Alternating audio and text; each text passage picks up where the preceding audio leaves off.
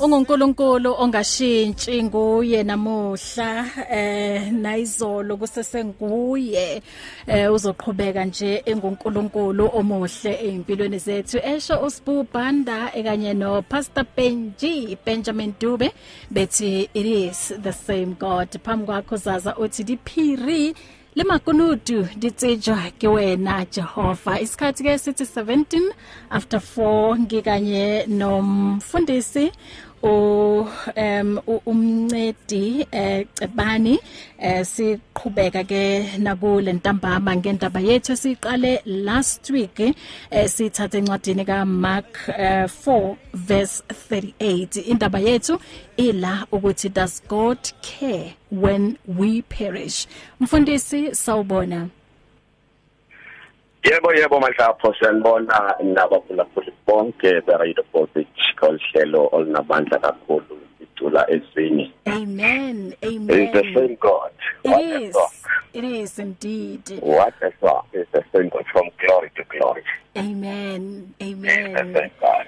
Siyabonga kakhulu mfundisi ukuthi usinikeze isikhathi sakho nakule ntambama. Siqhubeke ngale ndaba ngoba em uyazi kuyingozi kangakanani em ukuba namakholwa kodwa uthola ukuthi ba confused and kuba khona nezinye izinkulumo ezenza ukuthi babe more confused. So le ndaba le esixoxa esithatha encwadini ka Mark 4:38 um esisikhuluma yona ngempela ukuthi um nanoma zikhona lezo inkulumo and zenza ukuthi abantu badoubt ukuthi ngabe uNkulunkulu ukhona why engasi protect njoba ke sibhekane eh nalobu unzima obungaka. So umbuzo ula ukuthi does God care when we perish? And last week wakhuluma indaba enamandla uthi um istorm njengoba sesifikile sifika unobani na? Yes yes Mm. very true Asiqhubeke lapho mfundisi. Yes, yes mhlapho uh manibonge kakhulu. Um you know, i i confusion is allowed. We are we are allowed to be confused. Fear, doubt and hesitation. Yonke lonto we are allowed because ekugqibeleni singabantu. Um but uh ifika ibe wrong nini iba wrong when it reaches your tongue iba wrong when it reaches your mouth iba wrong when it reaches your confession. Kufanele i-confusion ne-fear ziphelele engqondweni kodwa zingafiki emlonyeni. Because iBhayibheli ithi amandla okuphila nawokufa asemlonyeni wakho. So whatever you confess, whatever you say ngomlomo wakho, uyayiactivate, uyayidala ukuthi mayibe njalo. But but before mhlawumbe si singene eh kule verse esithetha ngayo, I would love to respond and apologize as well to um abalaleli ebesikade sixoxa nabo ku WhatsApp. Um concerning what we said uh, last Sunday and then ke abanye they came up with the challenges abazi encounter as we speak. Um to be precise kuno kuno mama of obekade ngixoxa naye ku WhatsApp from Free State. Lo mama bendimthembisile ukuthi I will respond kwi challenge yakhe. Um I hope she is listening. I-challenge yakhe um urana i-funeral parlor. Now une challenge ke abesele eyibekile ngiyayazi naye uyayazi. Mama what i would love to advise you um uThixo uses people. Um uThixo uthuma umuntu ebantwini so that ukhona amagama athi prevention is always better than cure. Akufanelanga ukuthi ulinde isimo side sibe worse. Akufanelanga ulinde izinto zide zimoshakale kakhulu um ukuze uzattende uzilungise. Ezinye izinto zifuna ukupreventwa even before the spoiled so the option yokuthi uconsult i-lawyers eh kule kule ndaba le kade sikhuluma ngayo is the best. Consult your lawyers so that zikuncedise zikuncede uzopreventeka izinto zingekamoshakali kakhulu. That is my advice. Consult your lawyers uthixo uthumele abantu kuthi ukuze basilungisele izinto uthumele izinto kuthi ukuze zisilungisele izinto. So we kufanele ukuthi sithi make use of those things and those people. Uthixo asibekele bona in our life ukuze basipreventele umonakalo izinto zingokwenzakala kakhulu. So thank you very much. I hope lo mama is is is, is listening. Coming to to to to, to lo mcimbi ke esithetha ngawo mahlafo you know? There is a story endithandayo briefly esithi um kunabantu abake ba approacha this man of god. And then bathi mfundisi um uyayibona indlela abantu abafa ngayo? Uyazibona ingozi indlela ezenzeka ngayo? Uyabubona ububi indlela obenzeka ngayo elizweni lethu? Mm. ingaba lento ayisixeleli na uba uThixo akekho. Mm. uba uThixo ukhona why abantu besifa kanje? Mm. why izinto ezimbi zisehlela abantu? Uphi uThixo xa kusenzeka yonke lento and then the man of god ayikhange responde ayikhange iphikise ayikhange ivume. Kodwa ithathe this concerned person wathi ake sihambe awukhaphe siyaphi wathi no uzobona endleleni. Wabe semthatha emsa under the bridge. Apho kuhlala khona abantu abangaphilanga kakuhle ngokwengqondo aba mentally challenged.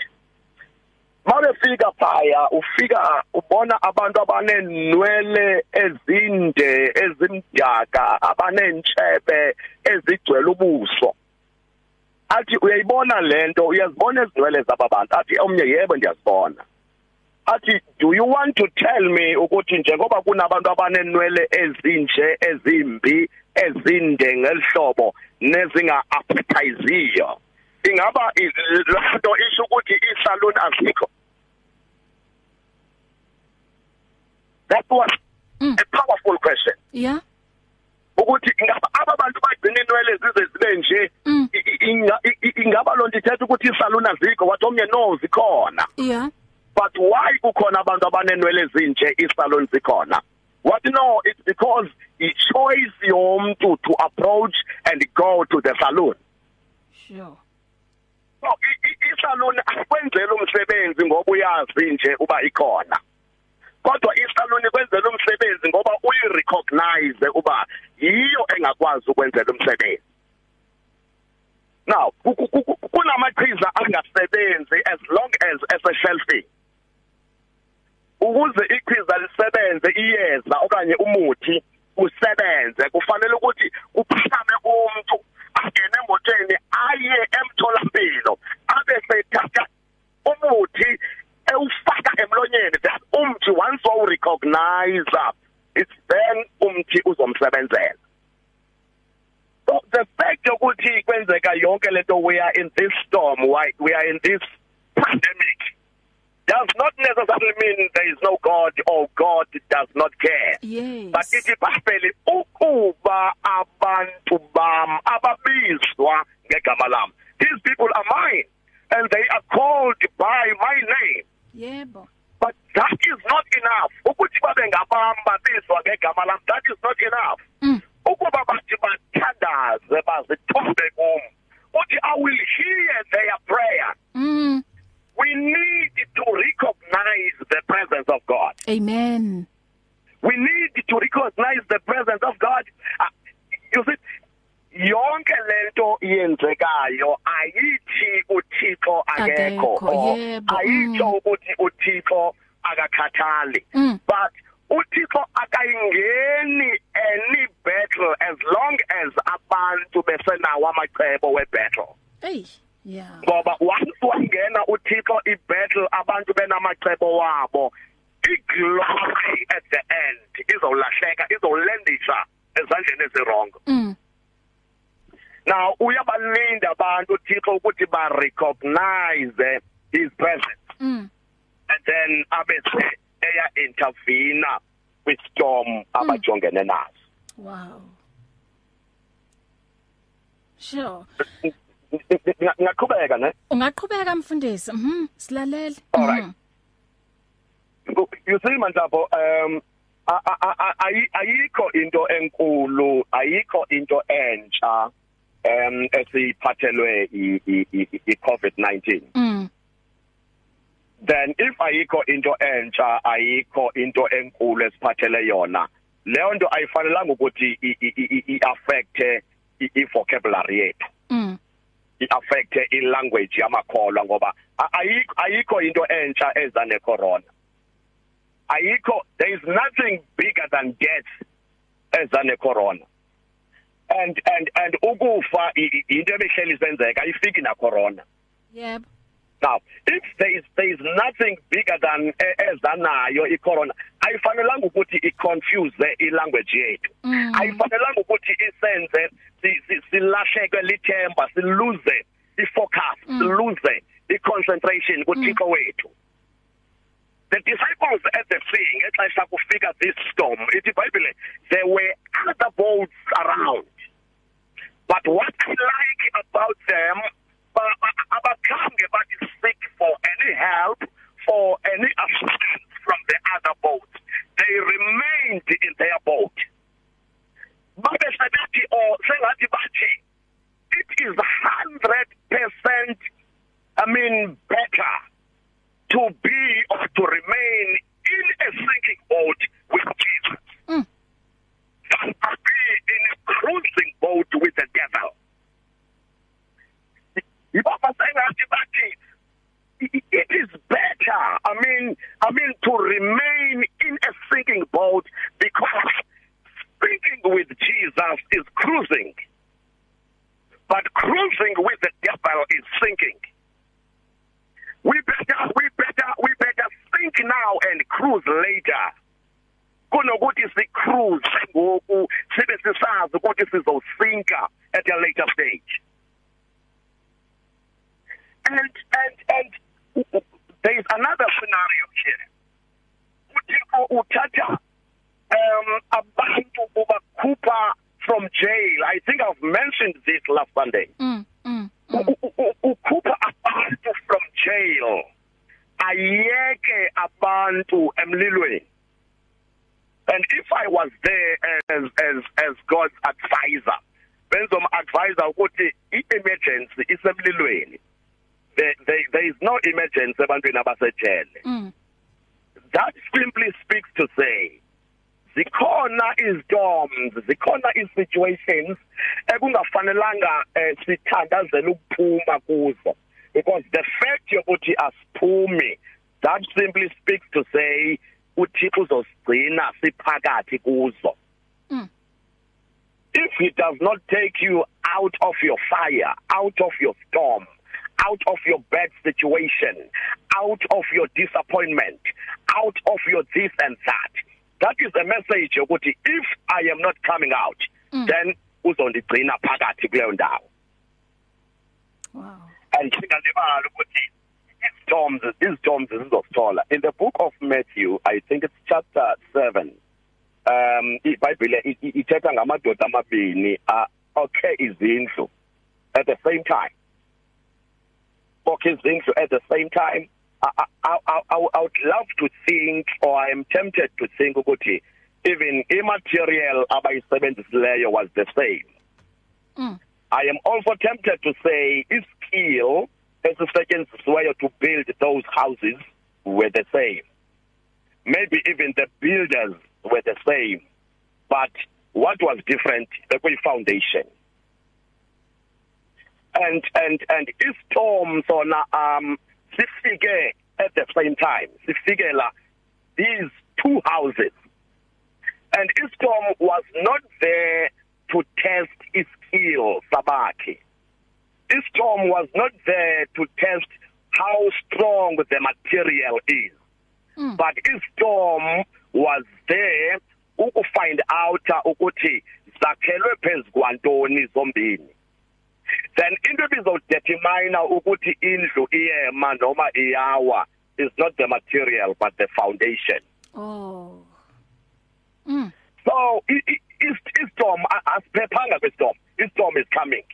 Mm. istorm is happening as we speak. Mm. but the only thing ezawudetermine ukuthi uh, are we being destroyed? Uthi Paul we are troubled on every side mm ngegama lakhe singabantu bakhe with the evidence of speaking in tongues. But we are troubled. Ukuba ukuba noYesu ukuba noThixo akuthethi ukuthi you have escaped troubles. But it troubles zizo istorm xa sifika sizodetermine ukuthi ingaba istrongo kangakanani ifoundation mm. owakhele phezukwayo foundation yes. Because it is the foundation that matters mm. it is the foundation ezokwenza ukuthi despite of what you see despite of what is happening what is it that you know mm. and and abantu abakwi strong foundation abayiconfess ibad ne-negative situation abakuyo kodwa Yes. ba remaina kwinto abayaziyo. Xa evuka kuyesu phaya uthi you know kungcono ukuhamba noyesu oleleyo kunohamba nosathane ohleliyo. Yo. Uyesu uthi ibhayibhile ubelele phaya. But the disciples bayazile ukuthi we cannot look for other options.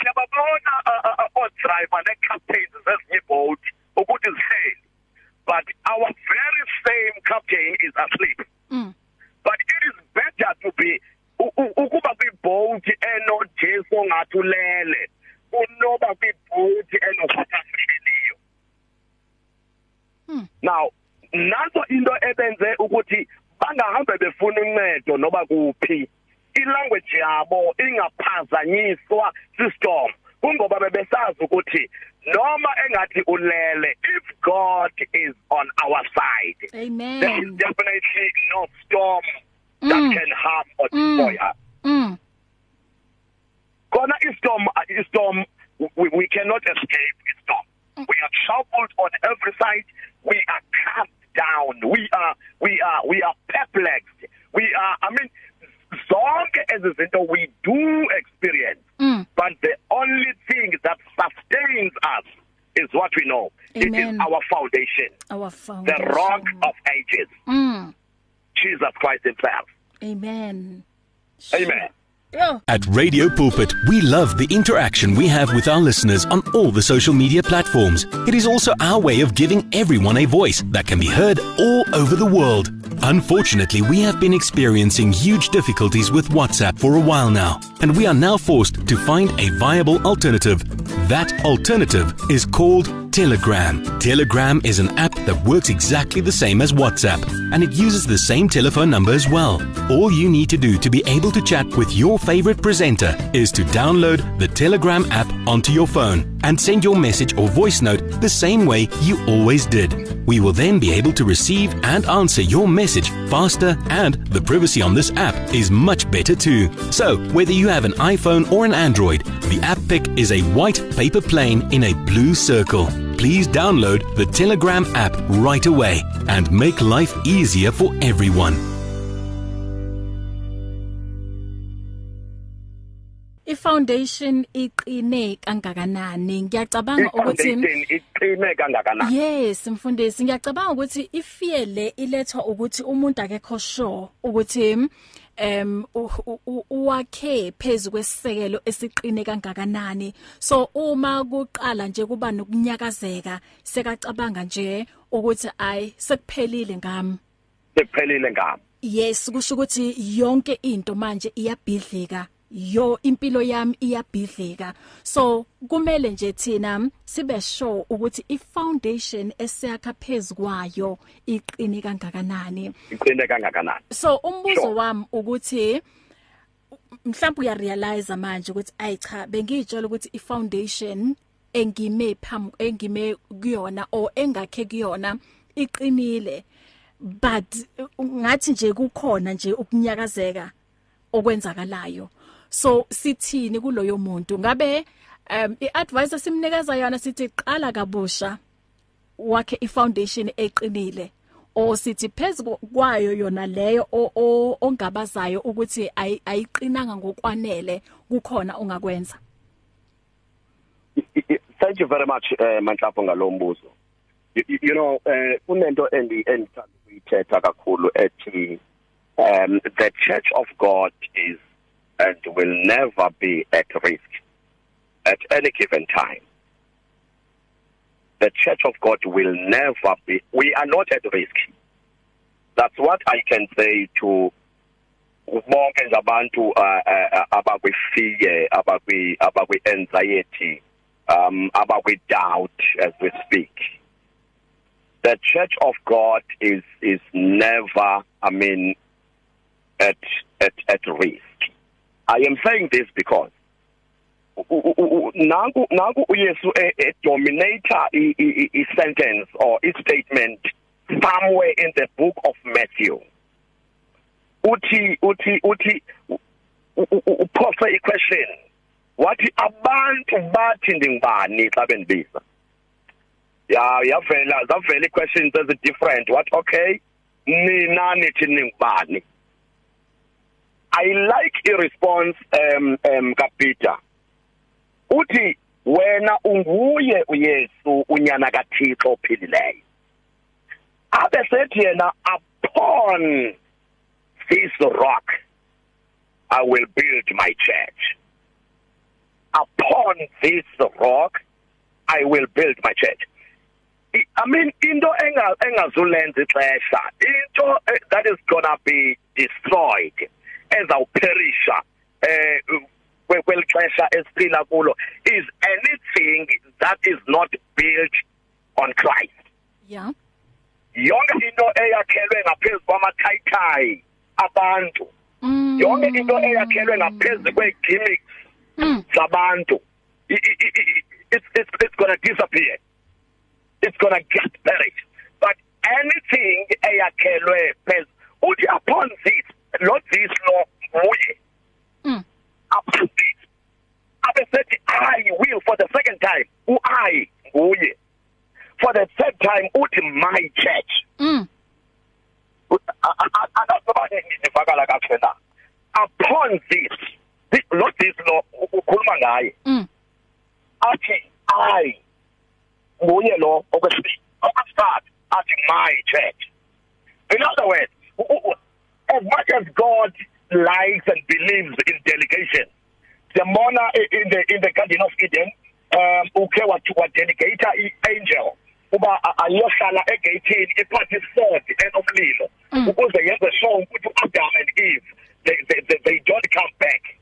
Um siyabona uma kuzozalwa oIsaac um delegate iangel ukuthi mayihambe idlulise umyalezo. Siyabona uba kuzodestroywa iGomora neSodom. Udelegate iangel but when uthi when it comes to my church when it comes to my children when it comes to the elected ones when it comes to those who are called by my name, when it comes to my church, I totally don't do dedication. I take it personal. I want to do everything by myself. Uba kudingeka i-foundation I am. Uba kudingeka umakhi I am. Uba kudingeka the purpose of the very building I am. I do not do delegation. Nifuna konke kudominate ndim. No wonder I say the church of God is or will never be at risk because if foundation, anyone who wants to threaten, anyone who wants to destroy, anyone who wants to kill, anyone who wants to do away with the church of God, ufanele kuqala before enze loo nto adilishane or approach uh, the very same foundation, the builder and the purpose of the church. uJesu Kristu ke lo akekho omnye akekho omunye mfundisi. Wow. Not at all. Not at all. Mm. uKristu esimkhonzayo yeah. okumsindisi so weimpilo let's let's let's totally rely not Mm. on our intelligence and brilliance yeah. but let's rely be foundation. Yep. No must have be foundation. Mm. L- let us totally rely and lean on our salvation on our foundation the foundation of our salvation. Which is Jesus Christ. Which is Jesus Christ. Mm. 20 yeah. before 5 o'clock ngikanye ke nomfundisi ocebani la sikhuluma indaba ukuthi does God really care when we perish? Yes uNkulunkulu cares bazalwane for us. Oh, uyazi yes, ngoba ngoba benga bekanganandaba nathi bekangeka thumela indodana yakhe eyodwa okuJesu Kristu ukuze azosifela. We know bazalwane ukuthi uKristu is the savior. That's his name. Saving is his business. So we know ukuthi no one cares more about rescuing us. Singa Eh, ngabantwana bakhe more than him. Njoba umfundisi esho ukuthi i foundation iqine kangakanani? Ifound mm. ifoundation owakhe phezukwayo em ingubani? Wakhe kweyiphi ifoundation? That is exactly. more important mfundisi ngicela ukuthi sithathe ikhefu uma sibuya ke sizovulela incingo mhlambe lapha ekhaya bangathanda ukuphawula nabo ngalolu daba noma banemibuzo sizoyivulela incingo ku 0123341322 kodwa ngicela ukuthi ke sindlule ngala ngaphambi kokuthi ke siye ku maline It's difficult okay. to face the overwhelming pressures of life alone. Sometimes we just need someone to talk to, someone to listen to us. And what better way to do that than through a quick and easy WhatsApp text? Whether you're having a hard time coping with school, family issues, being bullied, depression, or anxiety, speak to someone who cares today.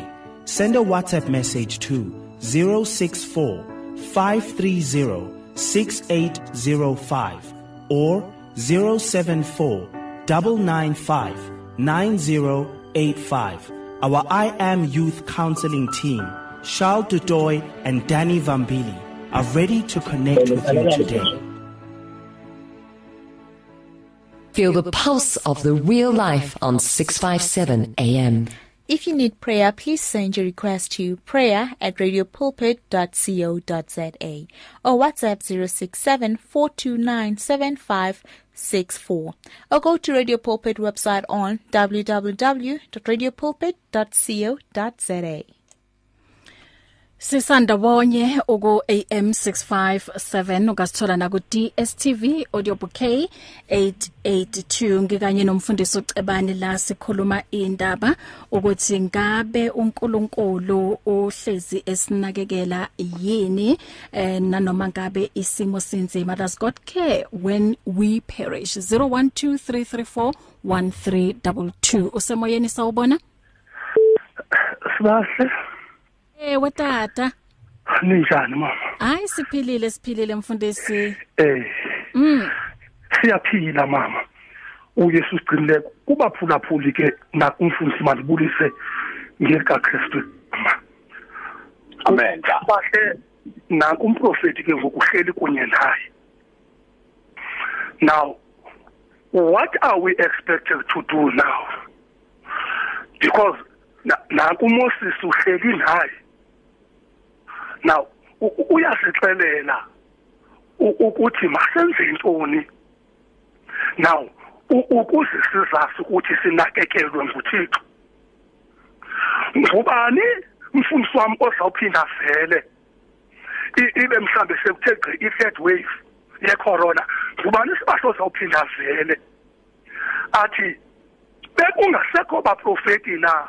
Ubaba sixelele untoba uphuthixo kulento hm ithi mama egqibeleni uma ndibeka phansi uthixo mama ukhona kunjalo nje ukhona mama wonke.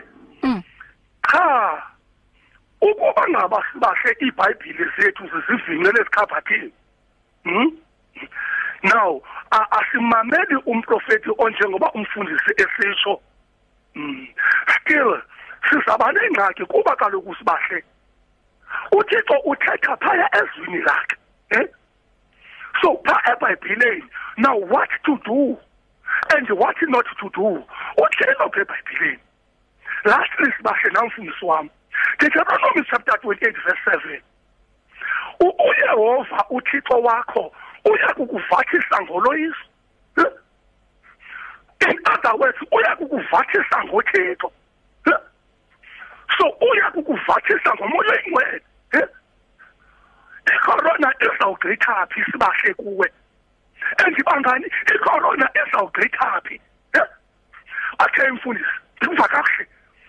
Uyabona uJob? uJob wa-attackwa ilameko yam attackhayo but praise God ukuba sibahle uThixo wayeyazi laa nto. And uJob was 100% protected. Umuntu lo usathana zangakwazi ukumchika umphefumulo mfundisi masivume sibahle. Hayi mama masingashumayeli corona madoda. Sure. Out of order sibahle mm. we are not expected at all to preach corona ebantwini. Mm. so sipreach ukufa. So siye kupreach uthixo okukuphila uyabona abantu bonke focus yabo nathi corona mfundisi wami abantu bo ifocus yabo ikwi corona eh so besiza namacebo futhi siphinde igama elithi Jumiso 127 ukuba ngaba abantu utata uhulumente uyazibuza ukunyela ingxaki zabantu bakaThixo. Chances will do no good amajoni mama akukho nto right azawuyenza. De uthixo abayeke abantu baqwele angamangaba amandla. Mama madibulele ndilele Ndikuva kahle mfundisi bangani. God bless you. God bless you baba. yothuka amen Amen. Usemoyeni sawubona? Yes, sabona besister sisabahle. Yebo bafilakazi unjani? Hayi uJesu sasigcinile my sister ngibulise nakumfundisi bamcebani. Ehhe. yes baba uvela kahle Ah ngiyabulisa man. Usigcina amazwi akho asiqinisayo. Eh Sisaphila kulesikhathi sama storms and tribulations. Into ebalekile kithi is our faith. Ma singasuke ethembelele nguJesu Kristu. Ngithanda amazwi ashiwe umfundisi uXa- uXayilane, uDr. Tlalane. Uthe faith does not mean trusting God to stop the storms. I think faith does not mean trusting God to stop to stop the storms, but trusting God to strengthen us as we Yeah. walk through the storms. Mhm. Yeah, kusesenzima kunjalo, but let's trust God. I-corona kusahlasela i-corona pandemic. Yeah. Masihlale sithi corona or no corona. Mkhulu owethu Jesu Kristu Yeah. kuno- kunosezweni usathani. Mm. amen Ngoba izifo ukufa nezinto lezi ama storms Mm.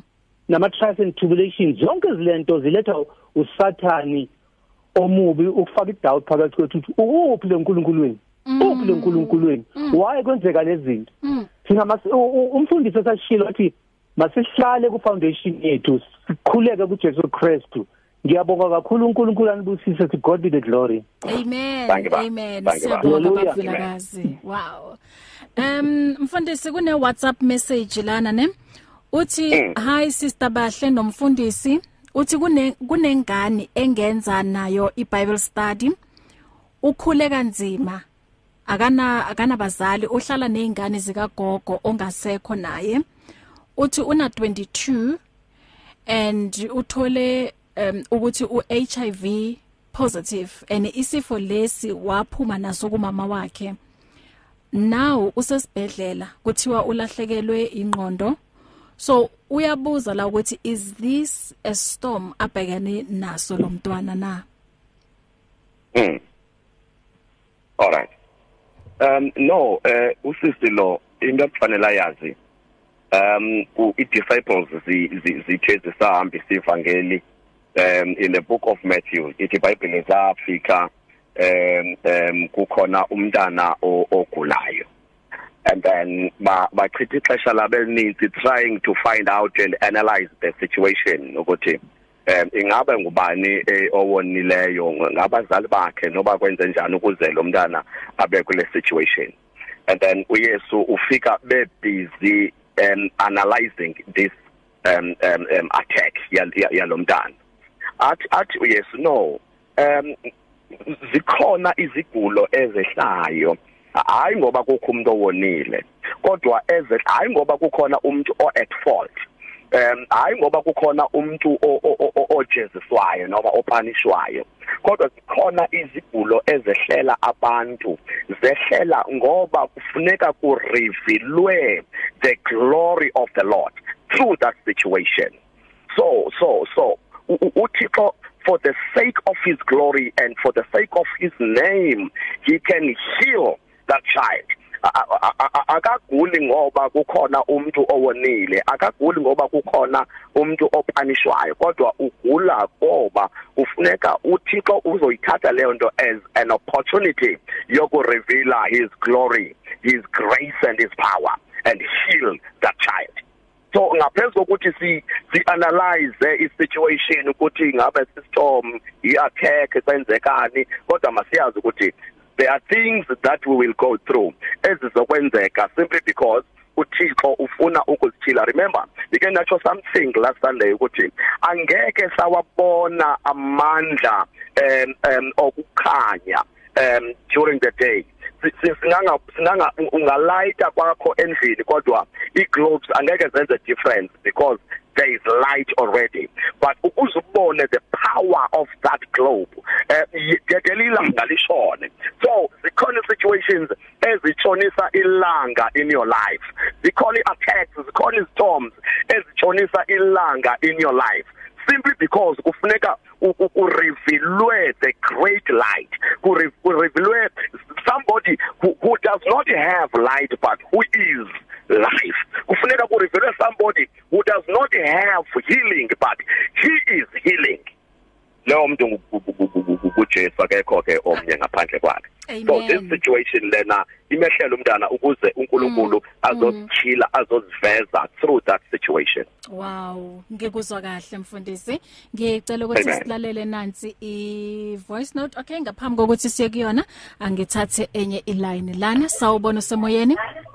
Yebo njani? Ngiyaphila ma wena njani ngikhona. Mm. yebo ma. Yebo, ngicela usicishele radio. Yebo ngoba sikuzwa kahle. Oyo, okay ngiyaphila. Ngiyabonga. Umama lo we pension angazi ngenza njani ngoba ngikuthuza nginike inamba yakhe mama umama. Oh, uyazi ngicela ngoba ngeke ngiyibize la emoyeni. Ngicela ukuthi ungithumele wena um i-message nje uthi pension la ku WhatsApp ne? Oh, ngicela i-WhatsApp, ngicela i-WhatsApp ngespeed mama ngibambezela. Okay. 082 Okay. 657 082 657 657 2729 Okay um okay WhatsApp number 0826572729 Okay mfundisi le being ay ay beka ngabuzeli la indaba yethu. akuyona yethu le. Yebo mhm um kunenye WhatsApp lana uthi thank you pastors. Thank you pastor Bangani uthi I like this part. Ethi stop preaching corona uh, stop yeah. preaching ukufa. Preach life. Bahle as Christians we are sent to preach good news. Hayi ukufa Matthew Nothing 28 else but good news. Yes me, yeah, yeah. wasinikeza la scripture Matthew 28 verse 19 to 20 and akusho mfundisi ukuthi uma sikhuluma ngayo le corona kusho ukuthi si preacher yona eh yebo lana sikhuluma ngamandla kaNkuluNkulu ukuthi though icorona ikhona kodwa uNkulunkulu um unamandla ukudlula yona this corona. yebo. Mhm. Yeah. Mhm. Okay, ithi sithatha silalele la i voice note sizokuthi uthini ukhalimambo.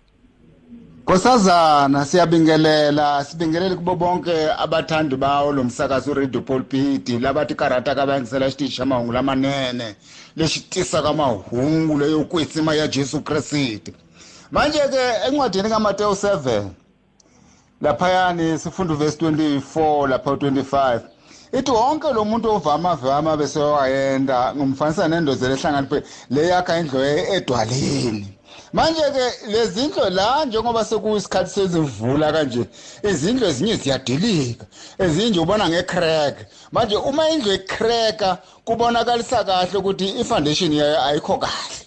Manje ke uma idilika futhi iyabonakalisa futhi ukuthi le foundation yayo ayikho kahle. Manje ke into le inkinga isitha sendlo ifoundation. Manje nakuye umzalwana into le inkinga kakhulu kumzalwana i-foundation. Ngokuba labantu laba abakha lezi ndlu lezi abamfuni umuntu lo unolwazi. Bafuna umuntu onganalwazi. Manje-ke nasemabandleni uma ubona abazalwana bangayenzi zona bangaqini enkosini ifoundation. Ngokuba inkinga ikuphi? Ilapha kokutheni abamfuni umuntu osebenziswa nguNkulunkulu. Bafuna umuntu lo ozofika nje athi athi athi abese uthatha imali uphuma kanje. Manje ke inkinga le ihluphayo ke iyona foundation le ihluphayo uthola ukuthi akakwazi kwakha mina ngakho ubaba usilinda upresident Benjamin Silinda. Wangakha la bathi bazongibulala lepephenoni laphaya. Bathi halo madala ofuna manje njengoba sifake ephozana angafi angadlanga. Oludlila akafuna isibhamu lo madala. Manje bathi sokuthengela ibhasikile uma saceda ukukhuluma ngibona ngicamuka ngale bhasikile lelo ngifike ngiwa phansi lapha kuvela indoda iphethe isibhamu. Isifaka irogo lemehlweni la. Oh. Manje ngithi umbono usho ukuthi bathi hayi le bhasikili bazokubulala ugibele lona balithathe. Le bhasikili liphinde libuyele eshopha uthenga bafuna ukukubulala nje asinto kanjani? Bafika abotsotsi laba igebengu lezibulala abantu babulala ubusuku abantu phela. Ilizwi lethi hamba kuDonald. Ngabe impela ngingayi mina ukuthi ngasuka kuDonald ngaya kuDonald. Ngangaya. Ngale ngithi sengilala ngefriday oko lizwi lafika lethi hamba kudona idle labo buhlungu lelo lizwi. Ngaphuma ngathetha nona nebhasikili lebafuna lo ngabuya ngalo la kudonald. Manje-ke bafika labo bathola ukuthi umadala akekho. Siyakhwe efoundationini lesisekelo sikaNkuluNkulu sikaJesu Kristu. Enkosazana ngixoleleni kuba mude kakhulu namhlanje ngizizwa impela impela impela impela ngisemoyeni khalimambo hayi usemoyeni impela khalim mambo. Ya kodwa uyazi ukukhuluma into ebalekile la mfundisi okuwukuthi besiloku nje nathi sisho ukuthi yebo uma uqaphela ukuthi kunama cracks kuleso sakhiwo kusho ukuthi kunenkinga. Ifoundation. Yes kusho ukuthi yebo inkinga iqala lapho isusa silapho. Mm, mm. very true. Very true. Yeah um mm. yes yes yes yes mandla eh bengibheka isikhathi la mfundisi sinemizuzu emibili so bengithi nje mhlawumbe singayi wrap up ngendlela enhle ke. Mm. Okay. Asira bhengol hlobo umfundisi lo be ebethetha kuqala. Mentioned i story sika sika sika sika Jobe. I mean lo yeah. Um now iBhayibheli ithi no uyobi. uyobi ithi iBhayibheli um kwehla umlilo uvele ezulwini. Kwehla umlilo uvele ezulwini. Wayidla wayidla yonke imfuyo yakhe wayidla yonke iposition yakhe wayidla yonke into ebekade nayo. Ngicela sijonge iorigin yalomlilo ithi iBhayibheli uvela ezulwini.